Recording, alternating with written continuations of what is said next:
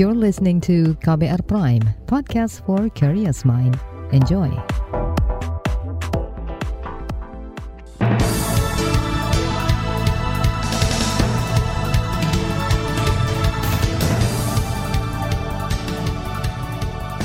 Selamat pagi saudara, senang sekali kami bisa menjumpai Anda kembali melalui program Buletin Pagi edisi Kamis 12 Agustus 2022. Bersama saya Naomi Liandra. Sejumlah informasi pilihan telah kami siapkan di antaranya, pemerintah diminta percepat program kendaraan listrik. Polisi ungkap alasan Verdi Sambo bunuh Brigadir J. Antisipasi krisis pangan, Jokowi dorong pemanfaatan lahan pekarangan. Inilah Buletin Pagi selengkapnya terbaru di Buletin Pagi. Saudara, pengembangan dan penjualan mobil listrik terus didorong untuk mengurangi penggunaan energi fosil. Hal itu disampaikan Menteri Koordinator Perekonomian Erlangga Hartarto saat membuka pameran otomotif di Tangerang, Banten kemarin. Kata dia, PLN tengah membuat ekosistem stasiun pengisian kendaraan listrik atau charging station di tiap daerah. Ini untuk menarik minat masyarakat beralih ke kendaraan listrik. Akibat penjualan otomotif, konsumsi BBM-nya juga lumayan besar. Jadi pemerintah mengabsorb subsidi BBM dengan listrik itu hampir 500 triliun. Ditambah lagi dukungan PPNBM itu di tahun 2021 konkret dana dari pemerintah 4,63 triliun. Tentu pemerintah juga terus mendorong dalam rangka COP bahwa kita harus menjaga net zero emission ke depan. Menko Perekonomian Erlangga Hartarto tak menampik bahwa penjualan kendaraan berkontribusi besar pada pertumbuhan ekonomi semester ini. Namun Indonesia juga punya target nol emisi karbon pada 2060 sesuai Paris Agreement. Peralihan ke energi bersih didukung dunia usaha. Ketua Umum Gabungan Industri Kendaraan Bermotor Indonesia Gaikindo Yohanes Naigoi mengatakan pihaknya terus mengembangkan industri otomotif berbasis baterai. Gaikindo meyakini bahwa masa depan industri otomotif Indonesia sangat cerah. Terus tumbuh, bergerak ke depan, menyongsong berbagai inovasi teknologi di masa depan. Perkembangan industri otomotif tidak lepas dari dukungan pemerintah Republik Indonesia. Untuk itu kami mengaturkan rasa terima kasih kepada Menteri koordinator bidang perekonomian yang telah memberikan perhatian yang sangat besar demi kemajuan industri otomotif Indonesia. Ketua Umum Gaikindo Yohanes Nangoy mengatakan saat ini industri otomotif Indonesia dalam proses menjadi salah satu pemain besar di Asia Tenggara. Ke depan sektor ini diharapkan bisa menjadi pahlawan devisa. Menurutnya hal yang paling penting adalah mengurangi impor dan mendorong ekspor baik itu kendaraan utuh, kendaraan komponen lengkap maupun dalam bentuk komponen-komponen. Sikap senada juga ditunjukkan kalangan pengusaha angkutan. Sekjen Organisasi Angkutan Darat Organda Ateng Aryono bahkan meminta rencana peralihan ke kendaraan listrik dipercepat. Namun ia memberikan beberapa catatan. Nah, kami menyambut itu menjadi baik. Akan tetapi, khususnya kalau kita kita bicara eh, energi listrik untuk angkutan umum, tentunya yang pertama adalah biaya pengadaan. Investasi yang uh, mobil listrik itu jauh lebih besar daripada mobil berbahan bakar fosil. Itu fakta. Meskipun kalau dari sisi pemeliharaan, tanda kutip mungkin lebih simpel. Namun diperlukan infrastruktur lain seperti charging station ataupun mungkin nanti kemudahan baterai dan sebagainya itu kan menjadi persoalan kan. Sekjen Organda Ateng Aryono meminta pemerintah memberikan insentif fiskal ke pengusaha agar beralih ke kendaraan listrik, misalnya lewat pembebasan bea masuk dan stimulus pajak. Sementara itu, kalangan parlemen meminta pemerintah serius menyiapkan infrastruktur kelistrikan dalam rangka peralihan ke energi bersih. Anggota Komisi Industri DPR dari fraksi PKS, Amin Aka, mengatakan hal ini penting agar proses migrasi tidak terhambat. Kalau tantangan listriknya ini kan soal misalnya sekarang mobil mobil listrik ya kan orang suatu kepraktisan juga kan. Kalau tadi apa namanya infrastrukturnya ini belum siap kan juga orang mikir gitu. Di sisi lain harga BBM ini khususnya yang non subsidi sudah melangit. Tapi yang subsidi pun ini sekarang pemerintah juga untuk subsidi BBM juga sangat besar meningkat APBN Anggota Komisi Industri DPR menambahkan peralihan ke energi bersih tentu membutuhkan investasi besar. Karenanya ia mendorong Kementerian Investasi bekerja keras mencari investor. Di sisi lain, masyarakat transportasi Indonesia MTI menekankan program kendaraan listrik mestinya diutamakan untuk angkutan umum. Ini dinilai lebih mudah ketimbang mendorong migrasi kendaraan pribadi. Berikut pernyataan Sekjen MTI Harya Setiaka Dilon. Ya kan kalau kendaraan pribadi kan paling jalan kalau di perkotaan itu kan dari rumah ke kantor, lalu parkir seharian di kantor, balik lagi parkir semalamannya di rumah gitu ya. Sedangkan kalau angkutan umum kan jalan terus. Dan yang diangkut kan lebih banyak ya. Jadi ya itu yang penting ya. Jadi kan konsumsi energi per kapita itu kan lebih efisien dengan angkutan umum. Lalu lebih efisien lagi dengan angkutan umum yang kendaraan angkutan umum listrik berbasis baterai. Jadi itu dulu yang perlu disadari oleh pemerintah kalau kita mau mengefisiensikan uh, konsumsi energi uh, untuk sektor transportasi. Sekjen MTI Harya Setia Kadilon yakin penggunaan kendaraan listrik pada transportasi umum bakal menarik investasi. Misalnya dalam pembangunan fasilitas stasiun pengisian kendaraan listrik. Ia berharap program migrasi ke energi bersih ini diikuti seluruh daerah, sebab masifnya gerakan nol emisi juga akan membantu mengurangi beban subsidi energi. Selanjutnya, kepolisian sebut Verdi Sambo membunuh Brigadir J karena emosi. Informasinya akan hadir sesaat lagi, tetaplah di Buletin Pagi KBR. You're listening to KBR Pride, podcast for curious mind. Enjoy!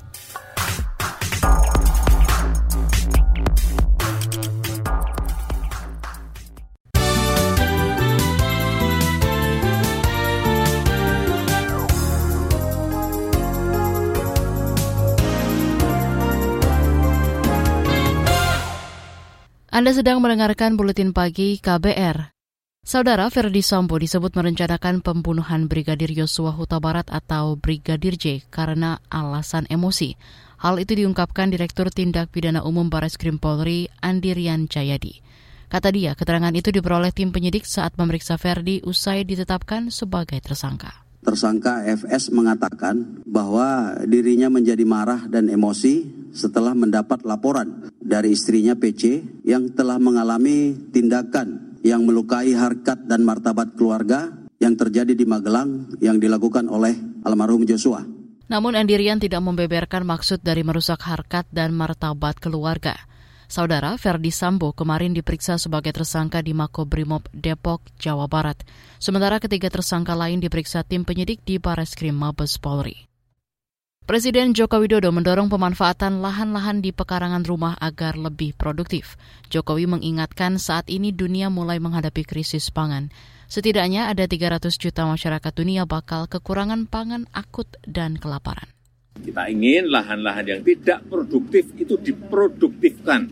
Urusan cabai, urusan ini harusnya rumah tangga-rumah tangga di desa-desa itu bisa nanam itu. Di polybag atau di pekarangannya sehingga tidak ada yang namanya kita ini kurangan cabai atau harga cabai naik drastis. Ini yang baru dikerjakan oleh Kementerian Pertanian. Presiden Jokowi juga mendorong pemanfaatan lahan-lahan nganggur agar kembali produktif. Tujuannya agar ketahanan pangan semakin terjaga dan Indonesia mampu menghadapi krisis pangan. Bergeser ke informasi ekonomi. Target penyaluran kredit usaha rakyat atau KUR bakal naik menjadi 320 triliun rupiah. Menteri Keuangan Sri Mulyani mengatakan target itu dipatok berdasarkan arahan Presiden Joko Widodo. Ini sekarang jumlah kredit usaha rakyat yang disalurkan oleh perbankan termasuk perbankan syariah oleh pemerintah setiap tahun dinaikkan. Tadinya hanya 170 triliun, sekarang naik menjadi 270 triliun dan di 2024 pemerintah presiden meminta supaya volume 320 triliun. Itu sebuah nilai yang sangat besar. Menteri Keuangan Sri Mulyani menuturkan UMKM yang mengajukan kredit ke bank akan mendapat subsidi dari pemerintah. Ini memungkinkan mereka membayar kredit dengan suku bunga yang rendah. Kita beralih ke informasi pemilu. Kabar pemilu. Kabar pemilu. Komisi Pemilihan Umum KPU mengingatkan peserta pemegang akun Sistem Informasi Partai Politik Sipol agar segera menyampaikan surat pemberitahuan pendaftaran. Adapun bagi parpol yang belum mendaftar diminta tidak melakukan pendaftaran di hari terakhir, yakni pada 14 Agustus 2022. Hal itu diungkapkan anggota KPU Idam Holik dalam keterangan persnya kemarin. Melalui helpdesk KPRI juga uh, menyampaikan atau mengkonfirmasi dan mengingatkan kepada partai politik agar segera menyampaikan surat pemberitahuan pendaftaran dan kami berharap partai politik tersebut sembilan partai politik yang belum menyampaikan surat pemberitahuannya agar daftar di waktu-waktu yang tidak di hari terakhir agar bisa memiliki kesempatan melengkapi dokumen apabila memang dokumennya dianggap belum lengkap. Itu tadi anggota KPU Idam Holik. Hingga kemarin, KPU telah menerima pendaftaran 23 parpol dengan rincian 17 parpol berberkas lengkap dan lanjut ke tahap verifikasi. Sementara enam parpol diberikan kesempatan untuk melengkapi dokumen pendaftaran hingga 14 Agustus 2022. Selain itu, 42 parpol nasional telah memiliki akun sipol, dan dari jumlah tersebut 10 parpol terkonfirmasi dan 9 belum mengkonfirmasi pendaftarannya. Kita ke soal lain. Strategi pengetesan terus dioptimalkan untuk menekan penyebaran penyakit mulut dan kuku atau PMK. Ini guna memastikan lalu lintas ternak dan produk aman dari PMK serta mendorong surveillance ternak segera berjalan. Berikut keterangan koordinator tim pakar Satgas Penanganan PMK, Wiku Adhisa Smito. Pemerintah telah menargetkan kuota testing sebanyak kurang lebih 345 ribu sampel berlandaskan tiga kebijakan yang ada demi memastikan pengendalian wabah yang maksimal dan memberikan perlindungan terbaik bagi hewan ternak rentan PMK. Kegiatan testing akan dilakukan di 12 laboratorium yang ditunjuk oleh Kementerian Pertanian. Satgas Penanganan PMK Wiku Adhisa Smito menjelaskan ada 27 laboratorium di bawah koordinasi Badan Karantina Pertanian yang berwenang memeriksa sampel PMK. Beberapa laboratorium di bawah kementerian lain juga disiapkan untuk membantu pemeriksaan jika diperlukan. Wiku mendorong agar pemerintah daerah aktif mengirimkan spesimen ternak yang diduga tertular PMK. Kita beralih ke berita mancanegara. Kementerian Luar Negeri membenarkan ada tiga buruh migran Indonesia meninggal dunia di pusat detensi imigrasi Malaysia pada Mei hingga Juni 2022. Ini mengonfirmasi temuan koalisi buruh migran berdaulat. Dalam keterangannya, Direktur Perlindungan WNI Kemlu, Juda Nugraha, telah menerima sertifikat kematian yang menyatakan bahwa para WNI meninggal karena sakit. Juda menekankan siap membantu jika ada informasi tertentu yang bisa ditindaklanjuti terkait kondisi WNI di tahanan imigrasi Malaysia. Sebelumnya, Koalisi Buruh Migran Berdaulat mendesak dibentuknya Komite Penyelidik Independen yang melibatkan kedua negara. Tugasnya untuk menyelidik dugaan pelanggaran HAM di pusat detensi Malaysia. Beralih ke berita olahraga. Timnas Indonesia U16 akan menghadapi Vietnam di final Piala AFF U16 2022 malam ini di Stadion Maguwo Harjo, Yogyakarta. Berdasarkan rekor pertemuan, kedua tim sudah berhadapan sebanyak lima kali sepanjang gelaran Piala AFF U16. Timnas Indonesia unggul dengan torehan tiga kemenangan. Dalam laga final nanti malam, pelatih Indonesia Bima Sakti meminta supporter bersikap sportif. Bima tak ingin insiden di pertemuan pertama melawan Vietnam terulang. Kala itu supporter lemparan botol minuman ke arah pemain lawan. Di bagian berikutnya kami hadirkan laporan khas KBR tentang RAPBN 2023, penanganan pandemi tak lagi jadi prioritas. Tetaplah di Buletin Pagi KBR. You're listening to KBR Pride, podcast for curious mind. Enjoy!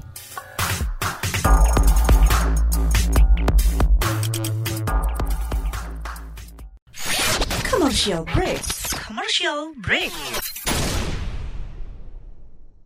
Walah, ada OTT lagi nih. Bro, Udah nunggu dari tadi ya? Sorry, sorry, macet. Bentar, bentar. Ini ada apa nih di Surabaya? Ini penting nih. Hoax apa bukan ya info ini? Mantengin timeline apa sih? Seru amat. Jadi lari sore nggak nih? Nih, kamu perlu tahu juga. Supaya update berita, pantau timeline at berita KBR bro. Akun Twitternya KBR. Beragam beritanya dan yang terpenting media ini terverifikasi Dewan Pers. Dijamin bebas hoax. Oh, oke. Okay terus rencana olahraga sore jadinya hoax nggak nih?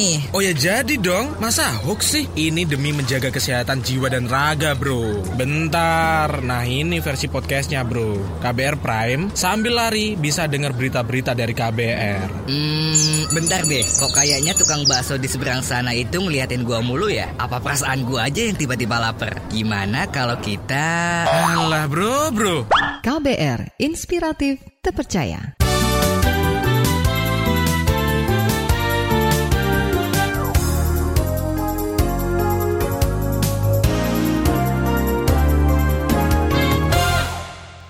Anda masih bersama kami di Buletin Pagi KBR.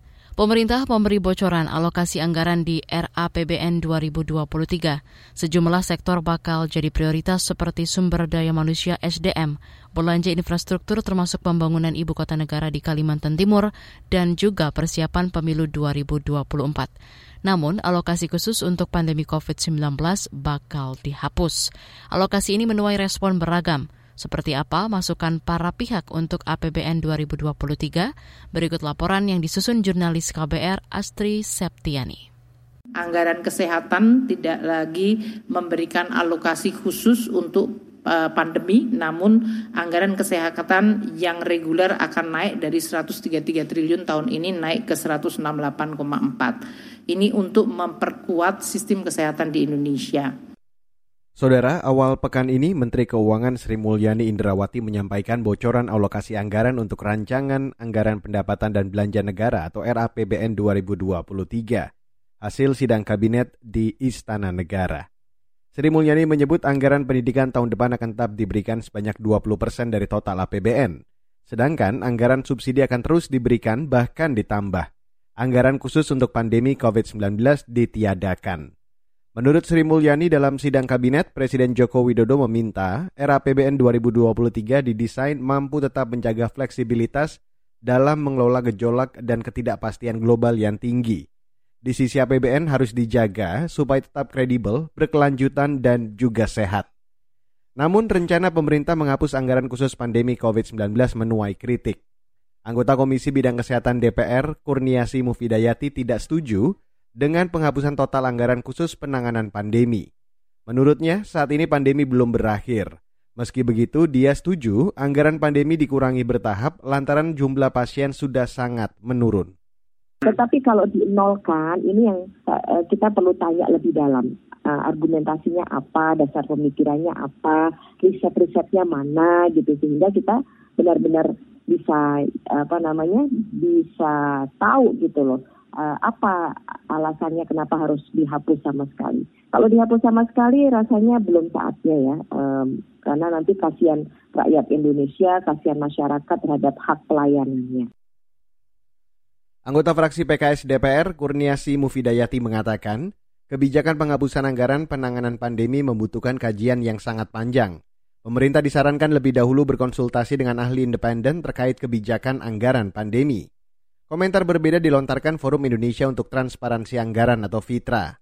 Manajer riset Seknas Fitra Badiul Hadi mengatakan, kebijakan penghapusan anggaran khusus pandemi bisa jadi diambil pemerintah untuk membangun optimisme bahwa perekonomian Indonesia telah membaik setelah dua tahun dihantam pandemi. Namun ia memberi catatan khusus buat pemerintah. Cuman pemerintah harus hati-hati oh, karena masyarakat juga masih dihadapkan pada situasi COVID yang memang masih terus apa ada ya di tengah-tengah masyarakat kita. Pemerintah mencoba membangun optimisme dengan menghapus anggaran PEN dan kemudian fokus eh, apa penanganan kesehatan eh, secara umum kan kayak gitu kan secara umum. Ya itu cuma catatannya adalah pemerintah perlu hati-hati dan memastikan betul bahwa COVID ini bisa dikendalikan dengan baik. Kalau tidak, justru dikhawatirkan ini menjadi menjadi persoalan baru kan kayak gitu. Badiul Hadi juga menyarankan agar pada tahun depan pemerintah tetap memfokuskan anggaran untuk pelayanan dasar terutama kesehatan dan pendidikan. Menurutnya, target penurunan kemiskinan ekstrim dan stunting juga mesti jadi prioritas sebab capaiannya masih jauh dari target. Begitu pula dengan subsidi. Ia menilai pemerintah masih perlu memberikan subsidi untuk pangan hingga kesehatan. Sementara, ekonom Indef Tauhid Ahmad mendorong agar prioritas APBN 2023 diarahkan untuk menyelesaikan target rencana pembangunan jangka menengah nasional atau RPJMN yang belum tuntas. Tauhid mengatakan saat ini negara masih membutuhkan dukungan anggaran sebab diperkirakan tahun depan Indonesia sudah melewati masa surplus atau durian runtuh. Artinya, Indonesia diperkirakan tidak akan lagi menikmati kenaikan pendapatan negara seperti karena kenaikan harga minyak, batu bara, minyak sawit, dan lain-lain seperti saat ini. Tauhid mendorong penggunaan APBN tetap memprioritaskan penyelesaian target RPJMN. Jika RPJMN tak tercapai, bisa dianggap Presiden tak berhasil menepati janjinya.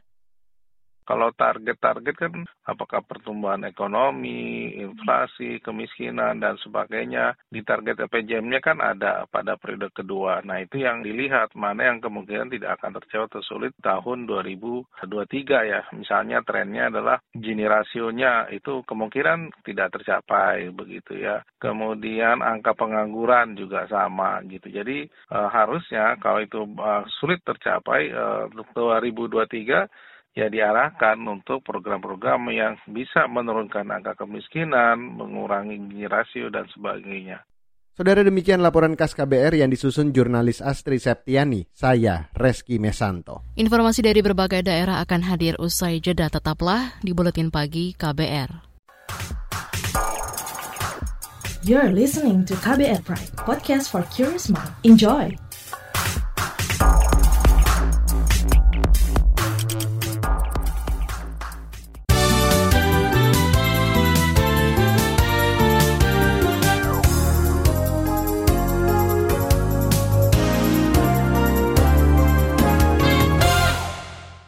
Inilah bagian akhir buletin KBR.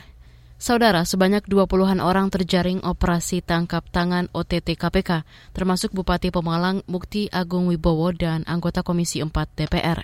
Informasi dari sumber KPK yang beredar, OTT dilakukan semalam di Jakarta dan Jawa Tengah. Menanggapi kabar tersebut, Gubernur Jawa Tengah Ganjar Pranowo mengatakan masih menunggu keterangan dari KPK.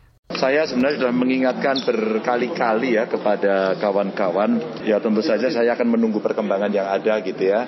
Sebelum kejadian-kejadian ini kita juga sudah berkomunikasi dengan mereka. Saya selalu mengingatkan karena sebenarnya kerjasama kita dengan uh, para penegak hukum, dengan KPK sudah terlalu sering. Mereka menyampaikan, terus kemudian mengingatkan. Gubernur Jawa Tengah Ganjar Pranowo menyebut beberapa kali KPK memberikan penyuluhan terkait bahaya suap kepada kepala daerah beserta jajarannya. Kata dia, saat kegiatan itu biasanya KPK memberi kode ke daerah tertentu yang terendus korupsi. Namun Ganjar tak menyangka hal itu terjadi di wilayahnya. Beralih ke Aceh, Hutan lindung seluas 25 hektar di Kecamatan Bintang, Kabupaten Aceh Tengah ludes terbakar. Menurut Kepala Pelaksana Badan Penanggulangan Bencana Aceh BPBA Ilyas, insiden ini disebabkan maraknya aktivitas warga membuka lahan baru dengan cara membakar. Kami yang bisa kan menganjurkan kepada masyarakat, artinya jangan membuang puntung rokok, jangan membuka lahan dengan membakar. Ya, ini yang bisa kami sarankan kalau kita lihat bencana yang terjadi selama ini, kalau saya boleh katakan bahwa itu hampir karena ulah tangan manusia sendiri. Kepala Pelaksana Badan Penanggulangan Bencana Aceh, Ilyas, menambahkan pihaknya bersama TNI Polri terus memblokade titik api agar tidak merebet ke arah lain seperti ke badan jalan, perkebunan, atau permukiman warga. Kita ke Bali. Pemerintah pusat diminta memberikan subsidi agar harga tiket pesawat dari luar negeri ke Bali lebih terjangkau. Wakil Gubernur Bali, Coko Arda Oka Arta mengatakan, saat ini Pemda tengah memperbaiki semua fasilitas wisata. Namun jika tiket pesawat terlalu mahal, maka akan menurunkan minat para turis ke Bali. Padahal pasca pandemi COVID-19, pariwisata Bali mulai bergeliat dan membuka banyak lapangan kerja. Informasi tadi menutup jumpa kita di Buletin Pagi hari ini. Pantau juga informasi terbaru melalui kabar baru, situs kbr.id, Twitter kami di akun @beritaKBR, serta podcast di alamat kbrprime.id. Akhirnya saya Naomi bersama tim bertugas undur diri. Salam.